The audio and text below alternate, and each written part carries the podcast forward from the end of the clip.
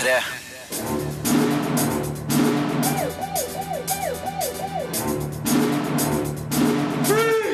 Filmpolitiet! What's your name, dude? Birger Vestmo. What kind of stupid name is that? Actionfilmen Hardcore gir et skikkelig adrenalinrush. James Franco spiller strålende i tidsreisefilmen 22. i 1163. Atle Antonsen gjør en fin figur i sin første dramatiske hovedrolle i Grand Hotel. Det er gøy å manipulere tida i storspillet Quantum Break. The Huntsman Winter's War er spektakulær, men mangler magi. El Club er et provoserende drama om slemme prester. Og vi skal òg innom andre sesongene av seriene Outlander og Fear the Walking Dead i denne utgaven av Filmpolitiet. Filmpolitiet anmelder film. Henry, they want your technology. Dataspillestetikk har vi sett på film før, men kanskje aldri så gjennomført som i Hardcore. Denne russiske filmen, med engelsk dialog, er sterkt inspirert av voldelige skytespill. Oppfinnsomme actionscener med ekstrem kameramobilitet gir et skikkelig adrenalinrush. Filmen savner et menneskelig aspekt, sjøl om Charlton Copley er morsom i en viktig birolle. Hardcore er i hvert fall tro mot sin tittel, for det her er en av de mest voldsomme filmene som noen gang har gått på kino. Som voldsfilmelsker må jeg bare gi en uforbeholden anbefaling.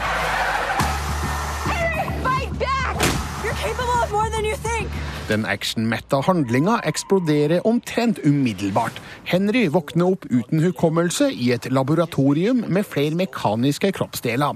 Han må redde kona Estelle, spilt av Hailey Bennett, fra skurken Akan, spilt av Danila Koslovskij, som forsøker å skape en hær av bioteknologiske soldater. Underveis får han hjelp av Jimmy, spilt av Charlton Copley, som på mystisk vis ser ut til å gjenoppstå fra de døde gang på gang. This is fucking war, baby! Regissør Ilja Naishuller har åpenbart studert det visuelle uttrykket i diverse førstepersons skytespill, for hardcore er akkurat som et dataspill der horder av fiender må meies ned på oppfinnsomt vis. Bildet mangler bare en HUD, eller head up display. Alt er innspilt i førstepersonsperspektiv, og rent teknisk er det her løst på en beundringsverdig måte. Jeg blir ofte sittende og lure på hvordan de har greid å filme det de gjør, i tilsynelatende endeløse tagninger som krever utrolig timing, sjøl om jeg antar at scenene har mange skjulte klipp. The bad news is there's an army standing between you and your wife. So let's go get her. Hardcore er alt annet enn subtil. Ilja Naishuller og produsent Timur Bekmambetov pøser på med blodige actionscener i en vill fart. Her er det ingen hvile å få, ingen dødpunkter og maksimal fremdrift og hastighet. Tre kameramenn har vært i sving med mobilt GoPro-utstyr, som gir effektiv action, samtidig som man kan risikere å bli litt sjøsyk av de ustabile bildene. Det er verdt det, for Hardcore er en skikkelig tøff actionfilm, som for all del ikke må tas for seriøst. Terningkast fem. Filmpolitiet anmelder TV-serie. I'm to tell you something. It's going to seem crazy. I need you to go in this closet, take a look around, then I'll tell you everything. That was 1960. I need you to go back there to prevent the assassination of John F. Kennedy. Miniserien 22. i 1163 har premiere på Fox Norge på mandag. Og det her er en serie produsert av Hulu, Marte Hedenstad. Ja, det stemmer, for Hulu er jo en amerikansk strømmetjeneste, eh, og de eh, vil jo sånn som Netflix liksom eh, produsere noe sånn eget innhold for å ta, ut kamp, ta opp kampen da, mot den giganten. 22. i 1163 er da en åtte episoder lang tidsreiseserie. Hva handler det her om? Altså, det her er eh, basert på Stephen King sin roman med samme navn. Eh, og det her handler da rett og slett, som man hørte i lydklippet her, eh, at eh, altså, eh, Jack, spilt av James Franco, eh, eh, skal tilbake til fortiden for å stanse drapet på John F. Kennedy. Eh, fordi at selvfølgelig, hvis John F. Kennedy hadde overlevd, ville verden vært et bedre sted. Eh, og eh, altså, det er en veldig sånn spesiell serie, litt sånn corny, eh, som blander litt sånn overnaturlige elementer med liksom den 90-60-talls-tidskoloritten. Um, og det fungerer ganske greit, men jeg tror at det kanskje kan bli litt for rart eh, for noen. Tidsreisehistorier på film og TV er ofte plaga av sånne enorme logiske brister. Hvordan er det i 23.11.63? Altså, eh, Reglene for tidsreisen legges veldig tydelig frem i den første episoden som jeg har sett. Eh, Det er da dette skapet, litt sånn Narnia-style, som man går inn i, som bringer deg tilbake til 21. oktober 1960 uansett. Eh, og hvis- 1963. Nei, 1960. 1960, å, så langt tilbake i tid, ja. så langt tilbake. Og det er noe av greia at eh, hvis James Franco skal eh, stanse dette drapet, så må han være i fortiden i tre år. Um, og eh, så er det sånn at hvis han kommer tilbake til nåtiden, og så drar tilbake igjen, så resettes alt. Akkurat. Eh, og så er det også sånn at fortiden ønsker ikke å bli forandret. Eh, og hver gang eh, da eh, altså Jack i, i serien prøver å forandre noe veldig sånn viktig, så, så, liksom stritter fortida imot, og det skjer sånn overnaturlige ting som er ganske så spennende. Men Marte, er det verdt å følge med på 23. i 11.63? Ja, det er verdt å følge med på. Jeg håper at serien utforsker liksom alle konspirasjonsteoriene bak drapet på Kennedy, og ikke blir en sånn episodebasert 'dette skal jeg redde denne gangen'-opplegg. Men eh, hvis det blir eh, sånn som jeg håper på, så kan det bli ganske bra. Terningkast fire.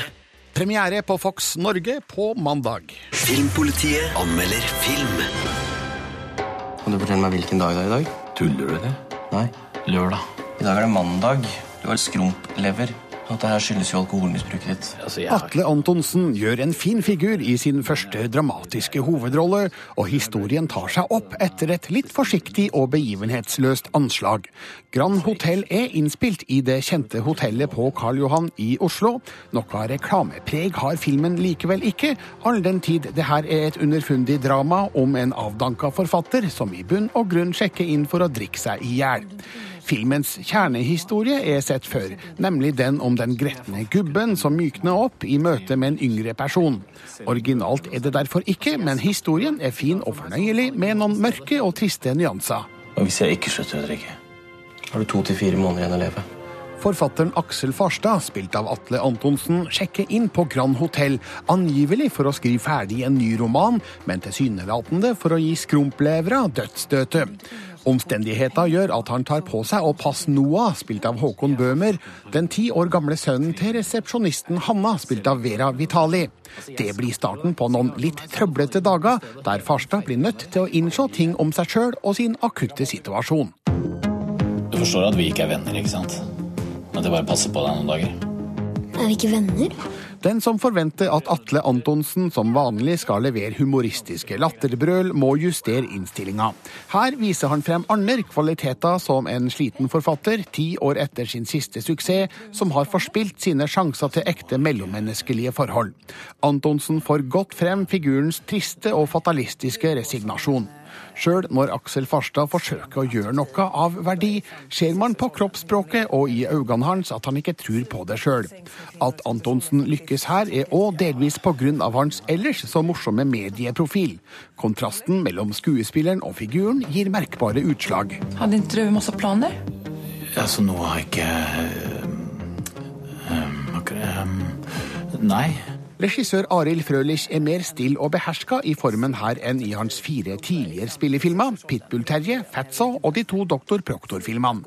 Scenene har en lavmælt tilnærming med et forsiktig tempo og avmålt bruk av musikk, effekter og klipp.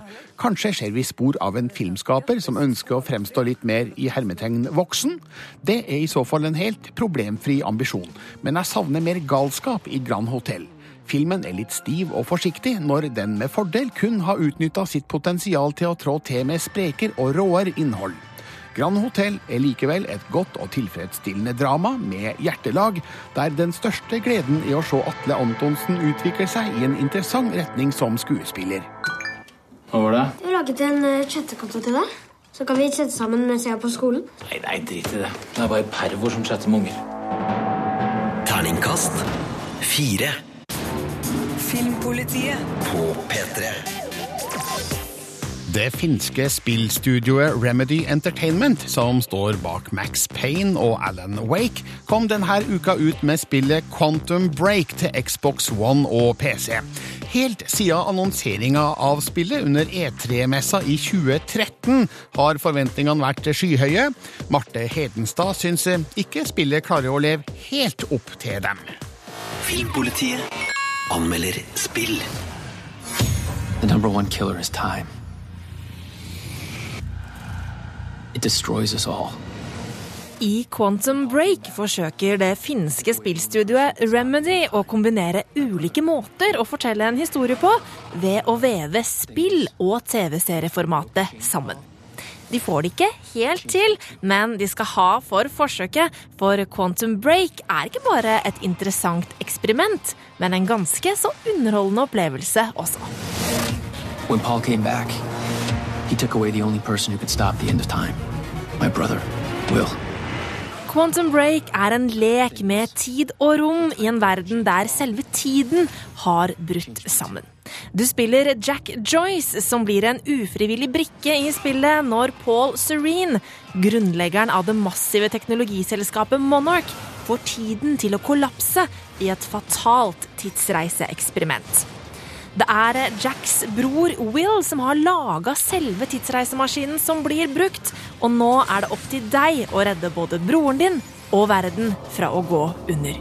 Up into the past, only to find there's no changing the inevitable. Time is just one closed loop.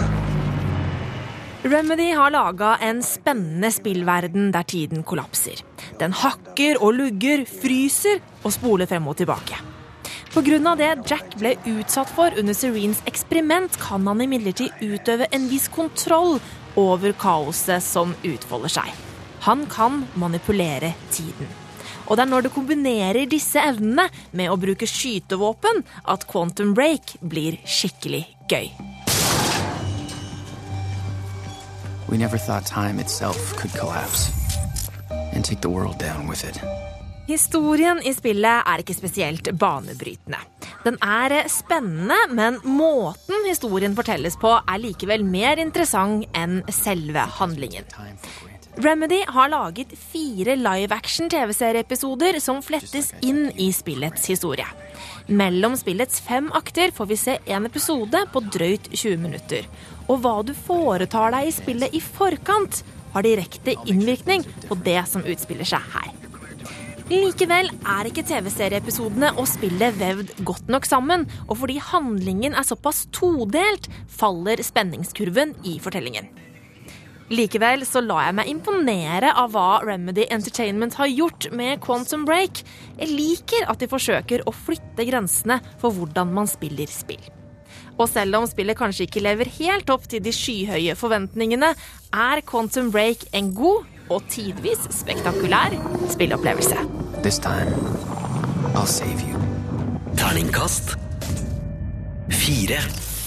Les mer om film, spill og serier på p3.no Filmpolitiet. Filmpolitiet hver fredag fra 11 til 1 på P3.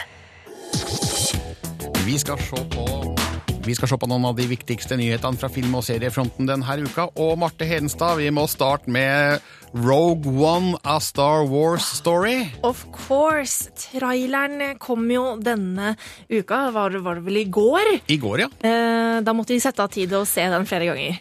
Eh, Vi er Star Wars-fans her i Finnpolitiet. det er ikke til å legge skjul på. Og eh, det ser lovende ut. Mm, eh, det gjør jo det. Eh, det. Det her er jo da en film som skal være på en måte en prequel til eh, A New Hope, og, og ta for seg på en måte starten på hvordan liksom rebellene klarte å stjele de tegningene til eh, dødsstjernen. Ja. Eh, så det er jo ganske spennende. Og hovedpersonen i traileren og filmen ser ut til å være Gyn Erso, spilt av Felicity Jones, kjent Mm. fra The Theory of Everything og The Amazing Spider-Man 2. Mm. Og Uh, hun virker jo å være et, uh, et sprekt eh, bekjentskap. Ja, absolutt. Jeg, jeg, hun virka skikkelig barsk og tøff. eh, Og så har hun jo en del sånne one-liner, det virker det som. Da. Sånn, sånn, sånn hva var det hun kalte det? This is a rebellion? Well, I'm rebelling, eller et eller annet sånt. Noen der, veldig sånn der, platt, men artige kommentarer som jeg tror kan bli artig. Og nå skal jo det her være en, en, en, en liten historie i Star Wars-universet, men mm. -hmm. ut ifra traileren så virker det ikke som at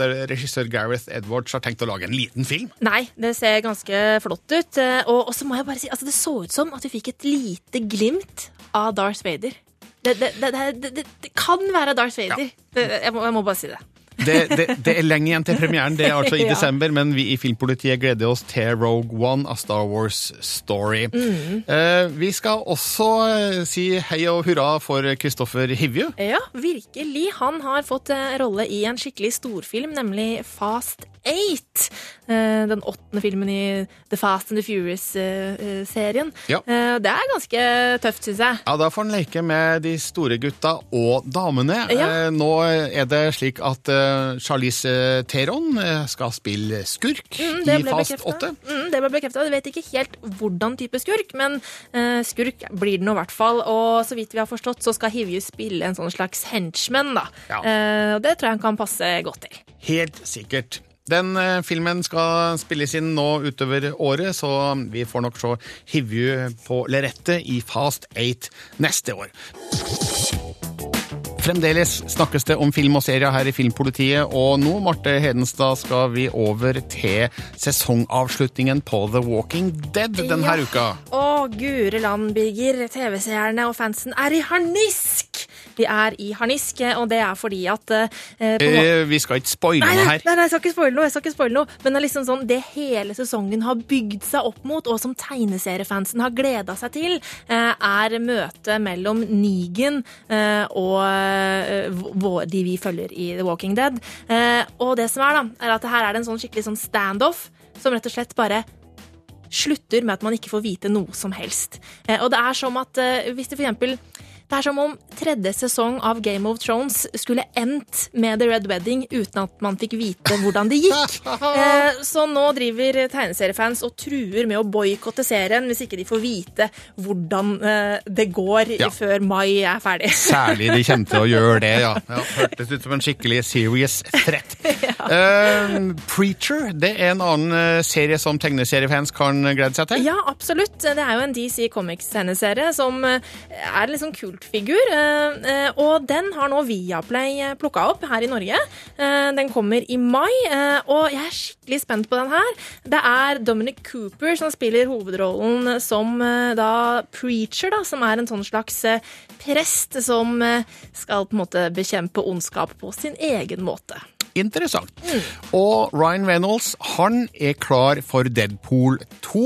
Hipp hurra! Å ja, jeg gleder meg veldig, altså. Ja, Nå er det ikke veldig overraskende, men nå er det bekrefta at eh, han er med, og det blir en Deadpool 2-film. Og ja, noe annet hadde vel vært skandale, Marte? Ja, det hadde vært skandale, men jeg er glad for at på en måte det settes i gang såpass raskt, fordi det hadde vært kjipt å måtte vente fryktelig lenge på Ja. en oppfølger. Den skal komme i 2017, og Tim Miller har regien på Deadpool 2. Filmpolitiet anmelder film. Mirror, mirror on the wall, who is the most powerful of them all?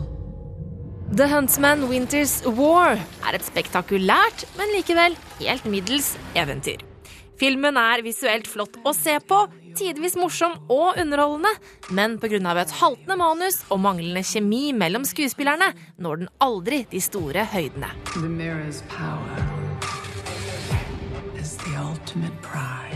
Lenge før Jegeren, spilt av Chris Hemsworth, og Snøhvit bekjempet den onde heksa Ravenna, spilt av Charlize Theron, hersket hun sammen med søsteren sin Freya, spilt av Emily Blunt.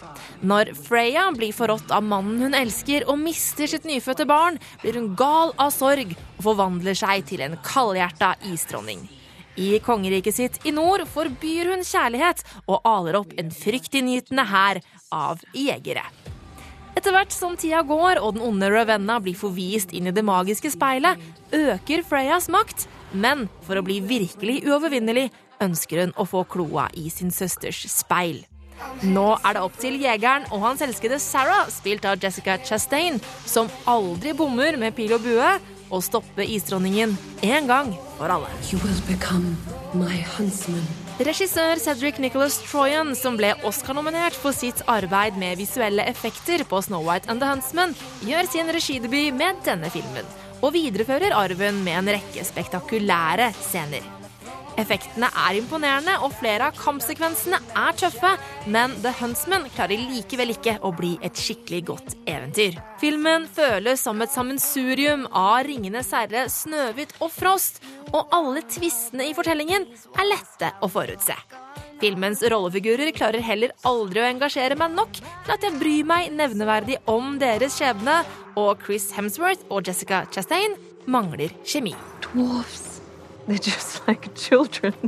We're mighty far from children, bitch queen. Det blir ikke noe skikkelig Snøhvit-eventyr uten dverger, og denne gangen har vi fire dverger som fungerer som filmens komiske alibi. De fikk meg til å flire fornøyd i kinosalen flere ganger, men klarte likevel ikke å ta The Huntsman Winter's War til de store høydene. Dette er kun et helt ordinært eventyr som er visuelt flott, men som aldri skaper virkelig magi i kinomørket. Hello, Huntsman. I've missed you.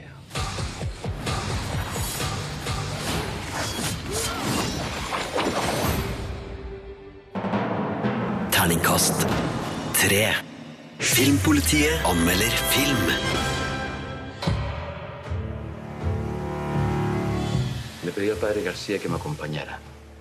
Él es director espiritual y tiene mucha experiencia en situaciones de crisis.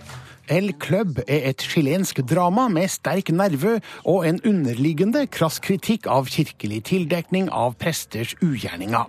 Den er dermed tematisk i omtrent samme landskap som Spotlight, men her fortelles det hvordan den chilenske kirka håndterer sine problemer i det skjulte fra innsida. Historien er fiksjon, men ligger sannsynligvis ikke langt unna sannheten.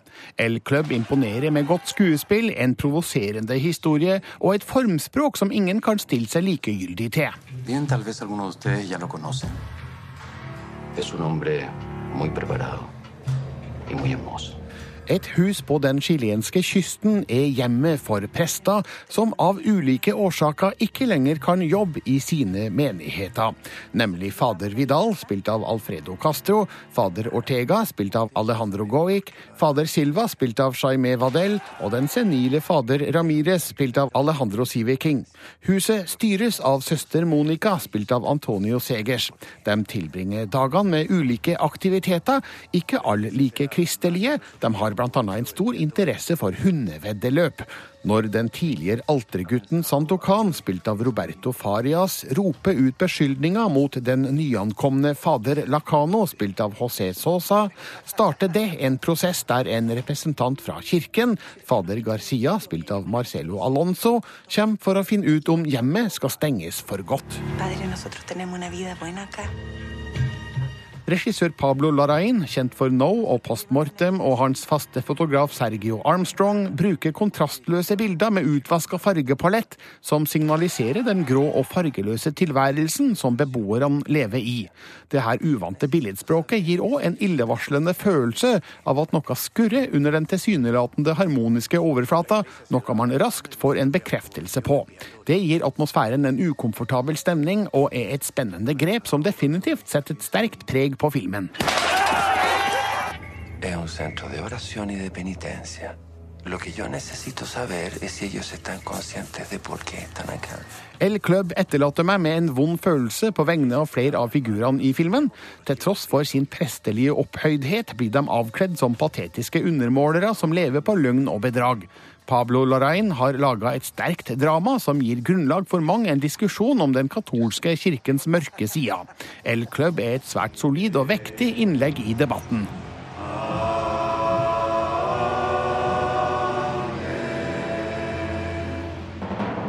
Terningkast fem.